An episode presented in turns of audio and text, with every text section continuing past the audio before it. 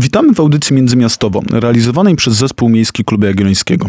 W każdą środę o 20.30 rozmawiamy o najważniejszych sprawach dotyczących miast. Audycję w formie podcastu znajdziecie także na międzymiastowo.pl i w najpopularniejszych platformach streamingowych. Zachęcamy do subskrypcji, by żaden z odcinków nie umknął Państwa uwadze.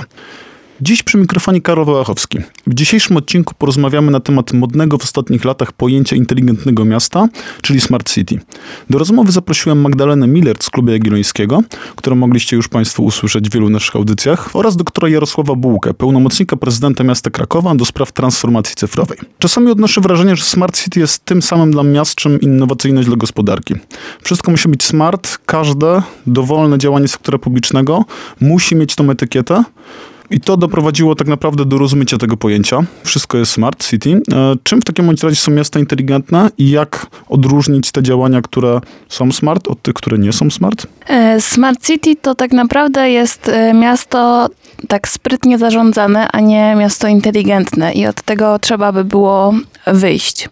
Po drugie, Smart City nie ma stricte definicji, nie, nie ma jakiejś takiej normatywnej definicji, dopiero to się tworzy, więc trudno mówić o rozmyciu czegoś, co nie jest do końca zdefiniowane.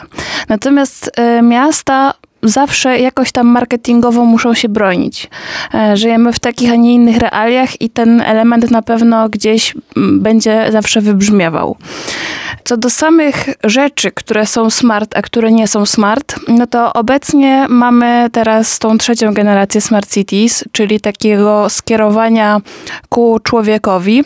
I de facto to są takie miasta, które mm, pomagają żyć y, mieszkańcom i usprawniają nasze codzienne zachowania w mieście poprzez takie drobne elementy, których pewnie nawet często nie zauważamy. Te miasta, które są smart, to po prostu wdrażają kolejne rozwiązania, pną się gdzieś tam na tej drabinie e, dojrzałości smart cities, a niektóre robią tego zdecydowanie mniej.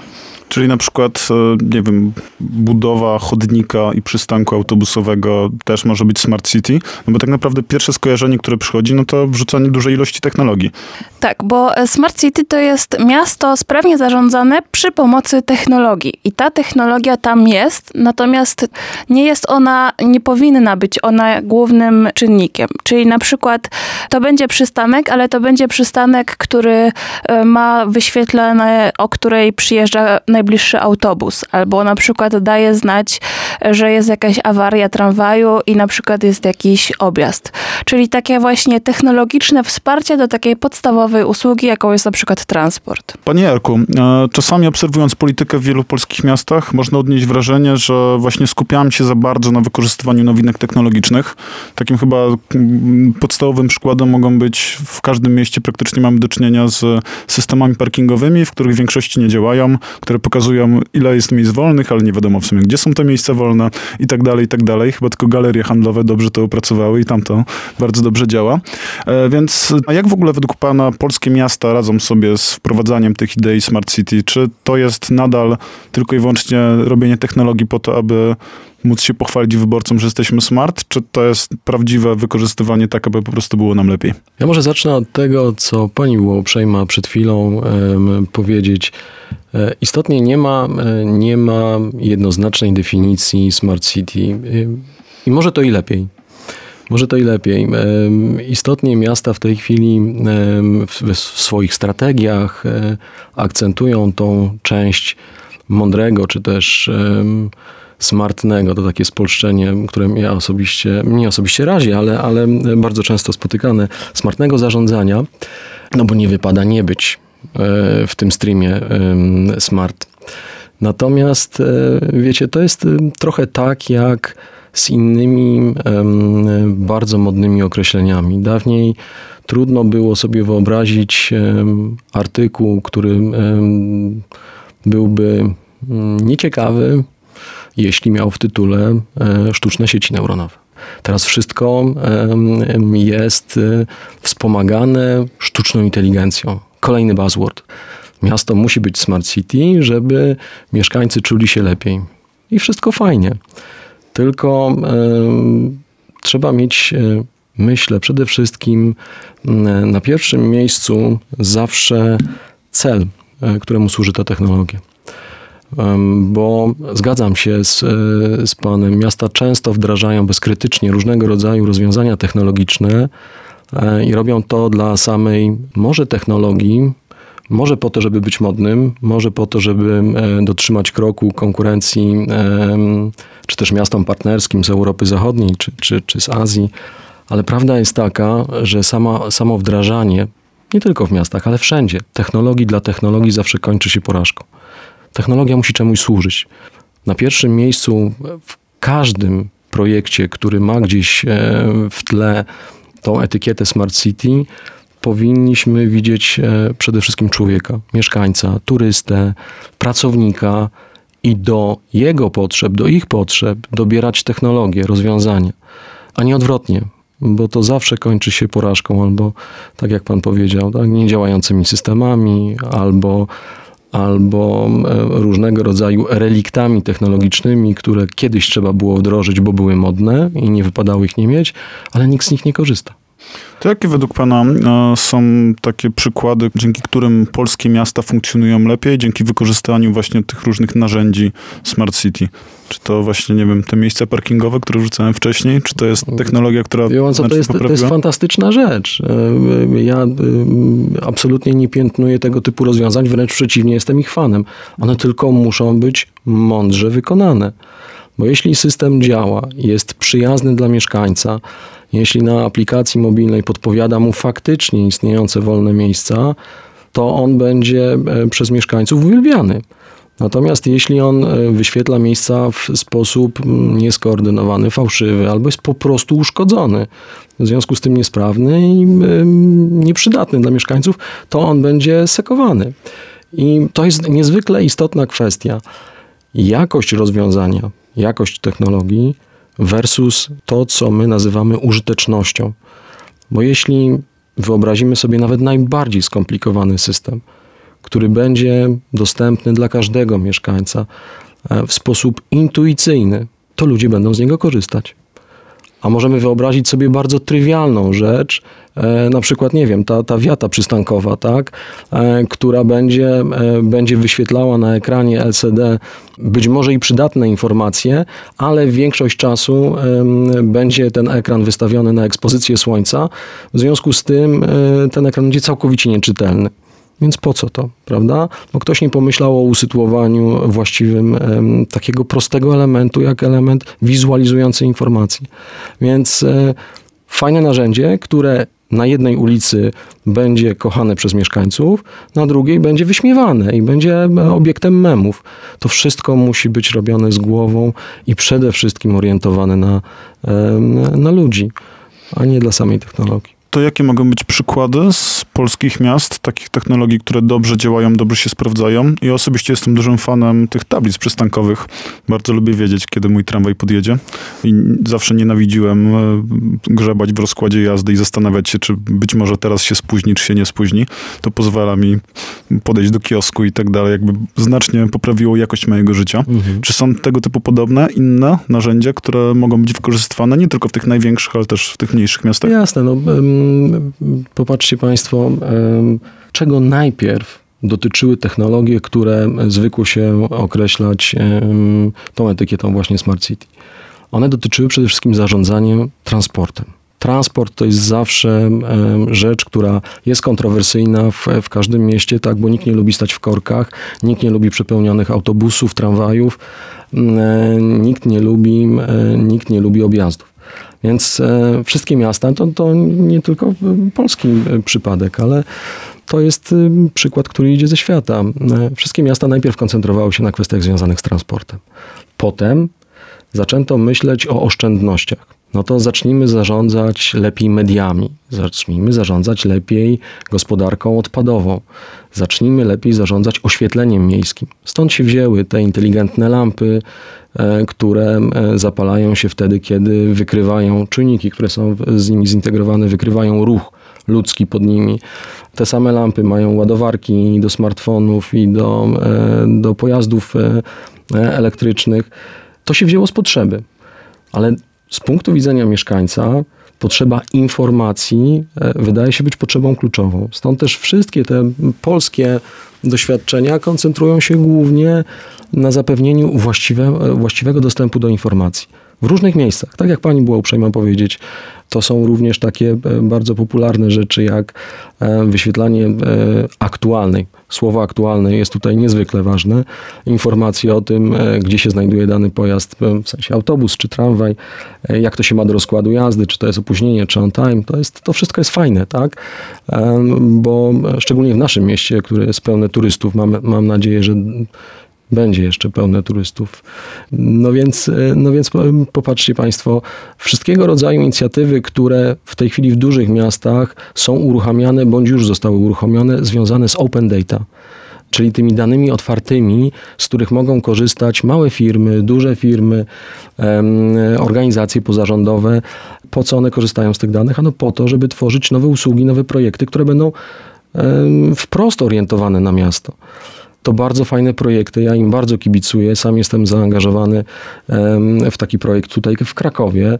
No nie wiem, czy Państwo wiecie, ale miasto w tej chwili jest w trakcie realizacji bardzo dużego pro, projektu informatycznego, który nazywa się Elektroniczna Komunikacja i Obsługa, który to projekt jest zorientowany na wystawienie bardzo dużej ilości usług elektronicznych mieszkańcom ale same usługi nie będą, e, nie będą efektywne, jeśli za tym nie pójdzie dostęp do informacji. Stąd też taki nacisk służb e, Urzędu Miasta na to, aby komunikować e, w środkach takich tradycyjnych, ale przede wszystkim też w internecie. To czym się zajmujemy, jak się zajmujemy, jak można załatwić sprawę, gdzie ją można załatwić, w jaki sposób można ją załatwić nieosobiście tego typu inicjatywy są niezwykle cenne, szczególnie jeszcze w dobie tej szalonej pandemii. To nie ukrywam, że był to taki bodziec i, i, motywator dla wielu miast polskich, aby przyspieszyć transformację cyfrową w wielu, w wielu obszarach. No już chyba nie ulega wątpliwości, że w ogóle dane to jest taki surowiec czwartej rewolucji przemysłowej i nie da się bez nich robić ani sensownych polityk publicznych, ani wprowadzać sensownych innowacji, no bo na podstawie czegoś trzeba móc testować różne, różnego rodzaju rozwiązania. E, no ale wróćmy może do tematu stricte dotyczącego dzisiejszej audycji. E, droga Magdo, no bo cały czas mamy do czynienia z pandemią COVID-u. E, w wielu artykułach różni autorzy straszą nas kolejnymi wyzwaniami współczesności, takimi jak susze, opady deszczu, zmiany temperatury, ale też takie zmiany, megatrendy społeczne typu starzenie się społeczeństwa. Czy według ciebie są jakieś obszary, w których polskie miasta mogłyby wprowadzać rozwiązania właśnie smart city, które mogłyby poprawić naszą sytuację w przyszłości? Może zwiększyć e, odporność naszych miast na tego typu właśnie wydarzenia? Myślę, że to Smart City będzie takim właśnie dobrym, dobrą odpowiedzią na to, co nas czeka. I teraz e, każda gmina ma jakąś tam swoją strategię. W tej strategii ma ten swój SWOT, czyli taką analizę mocnych i słabych stron, e, szans i zagrożeń. I to wszystko, gdzie to, co sobie tam jakby wypisała, e, można sobie przełożyć stricte na to Smart City. I de facto każda ta dziedzina może być w jakimś tam stopniu smart. I wydaje mi się, że warto tutaj myśleć o tych wszystkich rozwiązaniach jako o takich dość naturalnych przejściach, o jakim takim procesie przejścia. Bo to jest mniej więcej tak jak my mieliśmy dawniej na przykład kalendarz papierowy, a teraz ten kalendarz mamy w telefonie. Mniej więcej na tym poziomie to się rozgrywa. Więc uzmysłowienie sobie, że każda dziedzina, każdy obszar może być jak, w jakiś tam sposób właśnie scyfryzowany w taki sposób, żeby nam pomagał zarządzać tym obszarem, no to jest y, na pewno plus. Wydaje mi się, że takim dobrym Przykładem jest e, temat nagrzewania się obszarów miejskich i zmiany klimatycznej, takiej e, mitygacji do zmian klimatu, czyli tego przystosowania. I wiemy, że coś, jest coś takiego jak miejska wyspa ciepła, czyli w tych terenach miejskich realnie jest cieplej. W związku z tym, na przykład w mieście, mając czujniki temperatury, możemy badać, gdzie jest cieplej, a gdzie jest mniej cieplej i, i co robić, żeby temu w jakiś sposób przeciwdziałać. Na przykład nasze działania podejmowane działają i faktyczno, są faktyczną zmianą w tym danym obszarze. Co jest ważne, to to, że właśnie to Smart City jest y, tym zwinnym miastem. I tutaj wprowadzone są takie techniki nie raz na zawsze, tylko wprowadzam, sprawdzam, usprawniam. To nie jest tak, że każdy wie od razu, że ma świętą rację i nikt już tego nie zmieni, tylko te rozwiązania się testuje, analizuje i w jakiś tam sposób y, usprawnia. Nie ma czegoś takiego też jak na przykład, nie wiem, skończone Smart City. To zawsze jest... Zawsze Cały jest, rozwój. Tak, to jest zawsze rozwój, to jest zawsze kontrolowanie tego, y, aktualizowanie, sprawdzenie tego, co się dzieje, co robią inne miasta, no i podążanie w czasie. No wiadomo, że jakby świat się zmienia, więc te nasze miasta też muszą się zmieniać po prostu. Jedno uzupełnienie do tego, co pani powiedziała, bo to y, zgadzam się w pełni. Projektujemy, wdrażamy, testujemy, ale jedna ważna e, uwaga. Testujemy nie sami, jako instytucje czy firmy, które e, są autorami projektu, ale testujemy z użytkownikami końcowymi, czyli z mieszkańcami. Bo nawet najlepsza technologia, ale bez akceptacji, bez akceptacji e, tego użytkownika końcowego po prostu jest bez sensu. E, stąd też niezwykle ważna jest partycypacja mieszkańców, organizacji, ale też i e, partycypacja, tak jak w naszym wypadku, turystów i, i, i pracowników tym procesie wdrażania tych nowych technologii miejskich. Niezwykle istotne. Wydaje mi się, że to też jest chyba szersze wyzwanie w ogóle dla całej polskiej administracji, bo tak jak ja mam wrażenie, że w filmach prywatnych jakby testowanie, tworzenie pilotażów i generalnie czasami przegrywanie, bo oczywiście nie każde rozwiązanie będzie od razu dobre, jakby występuje bardzo często. Tak mam wrażenie, że w administracji publicznej bardzo mocno karzemy te rozwiązania, które nie udały się. Jakby traktujemy to jako coś strasznie złego, więc wydaje mi się, że to jest też kwestia jakaś taka mentalna. Nie do końca się z tym zgadzam, bo e, nikt z nas pracujących i w Urzędzie Miasta, i w Gminie Miejskiej Kraków, ale też i u naszych przyjaciół w, innych miastach, większych, mniejszych, nie myśli, e, nie myśli w takich e, kategoriach zero-jedynkowych. Są pewne uwarunkowania prawne, które powodują, że my jesteśmy tak odbierani. No bo jeśli mamy projekt, na który pozyskujemy fundusze albo własne, albo zewnętrzne, albo jakieś dotacje unijne, to z definicji te projekty muszą się udać. Projekt z natury rzeczy ma w sobie pewne ryzyka, tak? Więc trudno jest zaakceptować w takiej rzeczywistości e, administracji e, publicznej e, kwestie ryzyk to, że coś, jakaś próba może się zakończyć fiaskiem, tak? No bo przecież mamy kwant pieniędzy do wydania i te pieniądze trzeba we właściwy sposób zutylizować. We właściwy sposób to najlepiej taki, który tych ryzyk nie będzie generował. To jest niestety ta pułapka, w którą często wpadamy. Miasta z natury rzeczy, samorządy z natury rzeczy nie są hubami innowacji. Nie są instytucjami, które sponsorują projekty, z których 10 na przykład udaje się na 100. No tak, tak to nie działa. My mamy inne zadania i inne, inne, e, inne cele. E, dlatego te miasta, które chcą być smart, bardzo często budują w, wokół siebie społeczność NGO-sów, w sensie organizacji pozarządowych, małych firm, tak, dobrze współpracują z e, uczelniami i w ten sposób kreują te innowacyjne projekty, które można potem testować na tkance miejskiej. Właśnie jak wygląda sprawa współpracy właśnie miasta Kraków z tego typu właśnie otoczeniem, tym, czy to tym biznesowym, czy NGO-sowym? Jakby jak powinna wyglądać taka modelowa współpraca, no bo też zakładam, że Smart City to też są te firmy, które przygotowują te rozwiązania, a Kraków, który jest mocny w informatyce i w tych różnych technologiach cyfrowych, mógłby być chyba, nie wiem czy jest, to proszę tutaj od razu weryfikować, czy jest zagłębiem te, tego typu właśnie producentów różnych rozwiązań w tym mm. obszarze? Jak mogłaby wyglądać taka współpraca? To jest tak, że każde miasto e, na miarę swoich możliwości próbuje wykreować wokół siebie taki ekosystem. My jesteśmy w tej szczęśliwej sytuacji, że nie dość, że jesteśmy największym centrum usług wspólnych w Europie e, jako miasto, prawda? Że koncentrujemy ten potencjał intelektualny w jednym miejscu. E, mamy ogromne zaplecze akademickie ogromne. To, to, jest wartość nie do przecenienia. To tu się rodzą te fajne pomysły, to tu się rodzą fajne startupy. Ja bardzo często, jak jeszcze pracowałem na uczelni, byłem konfrontowany z różnego rodzaju pomysłami studenckimi.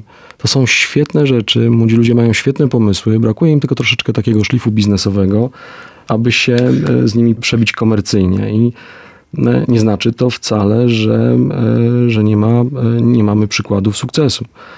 Jest bardzo fajna firma, która kiedyś była startupem, a teraz jest w zasadzie potentatem na rynku, która dostarcza informacje o tym, czy nasze powietrze się nadaje do oddychania, czy nie.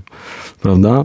Są różnego rodzaju firmy, które bardzo fajny startup zarządzany przez moich e, kolegów kiedyś, a obecnie bardzo duża organizacja, która dostarcza informacji na urządzenia mobilne przy przemieszczaniu się po przestrzeni miejskiej bądź w przestrzeniach zamkniętych, tak? wykorzystując takie specjalne urządzenia, które podają informacje na, na, na telefony, na, na, na smartfony.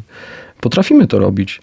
Trzeba tylko odpowiednio taką, e, taką firmę czasami pokierować w, e, i dać im, dać im po prostu szansę wykorzystania w pilotażach tych rozwiązań. Tu jest rola miasta. To już wszystko w dzisiejszej audycji międzymiastową. Kolejny odcinek już za tydzień, w środę o godzinie 20.30. Ten i wcześniejsze odcinki znajdziecie Państwo na stronie międzymiastowo.pl oraz na najpopularniejszych platformach streamingowych.